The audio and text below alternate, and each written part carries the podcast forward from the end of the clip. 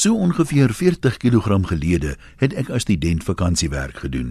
Ons moes 'n ou fabriek afbreek met voorhammers, pikke en drillbore en die sweet het behoorlik gespat in 'n oorpak tydens Desember se hitte.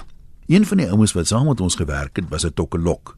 Ek weet nie of die woord nog bestaan nie, maar destyds is iemand wat teologie swat in die hoop om 'n predikant te word, 'n tokkelok genoem. Die ou se bynaam was Dag en Nag. Hy het geglo as jy lui wegsteek, steel jy die Here se tyd. Daarom het hy dag en nag gewerk. Ons het nie eintlik van hom gehou nie, want hy het ons almal uit sleg gelyk met sy nimmer eindigende ywer.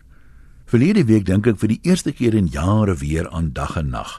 Daar was 'n berig in die koerant dat die Japanse maatskappy 'n hommeltuig bekend gestel het wat na ure in kantoorgeboue gaan rondsweef, toegerus met 'n kamera.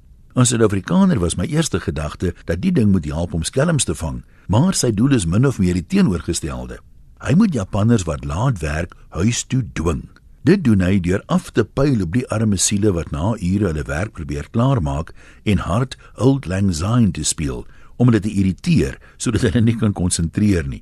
Boonop neem hy fotos sodat gereelde oortreders geïdentifiseer kan word. Daar is tog blykbaar 'n edel doel agter die hele besigheid. Die gemiddelde Japaneese glo so pligsgetrou dat hy liewer vrywillig sal laat werk as om nie sy werklading af te handel nie. Dis so erg dat dit lei tot stresverwante siektes wat duisende sterftes veroorsaak. Daar is selfs 'n woord vir mense wat weens te veel werk doodgaan, karoshi.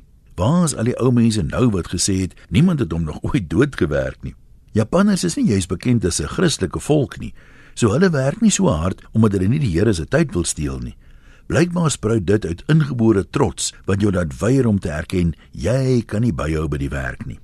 Suid-Afrikaners is ook glo bekend as harde werkers, veral oor see, maar 'n mens wonder of dit nie net in lande is waar werkers nog luier is as in Suid-Afrika nie. Natuurlik is hier ook harde werkers, maar ek het nog nooit gehoor van 'n werkgewer wat sy personeel huis toe moet dwing nie. Kyk gerus op sosiale media Van donderdag af al word dit oorheers deur mense wat uitsien na Vrydag sodat die naweek vroeg kan begin. Maandag is daar weer 'n kollektiewe swartgalligheid oor die nuwe week, al bring hy ook nuwe geleenthede. En van Oktober af lê die jaar op sy rug en moet 'n mens liewer niks nuuts aanpak nie. Ek kan nie help om te wonder wat se invloed net 'n klein bietjie Japaneese werkywer in Suid-Afrika sal hê nie. Beide vir ekonomiese groei, dienslewering sowel as die persoonlike welfaart van individue maar is daarom net te gevaarlik om dit te probeer.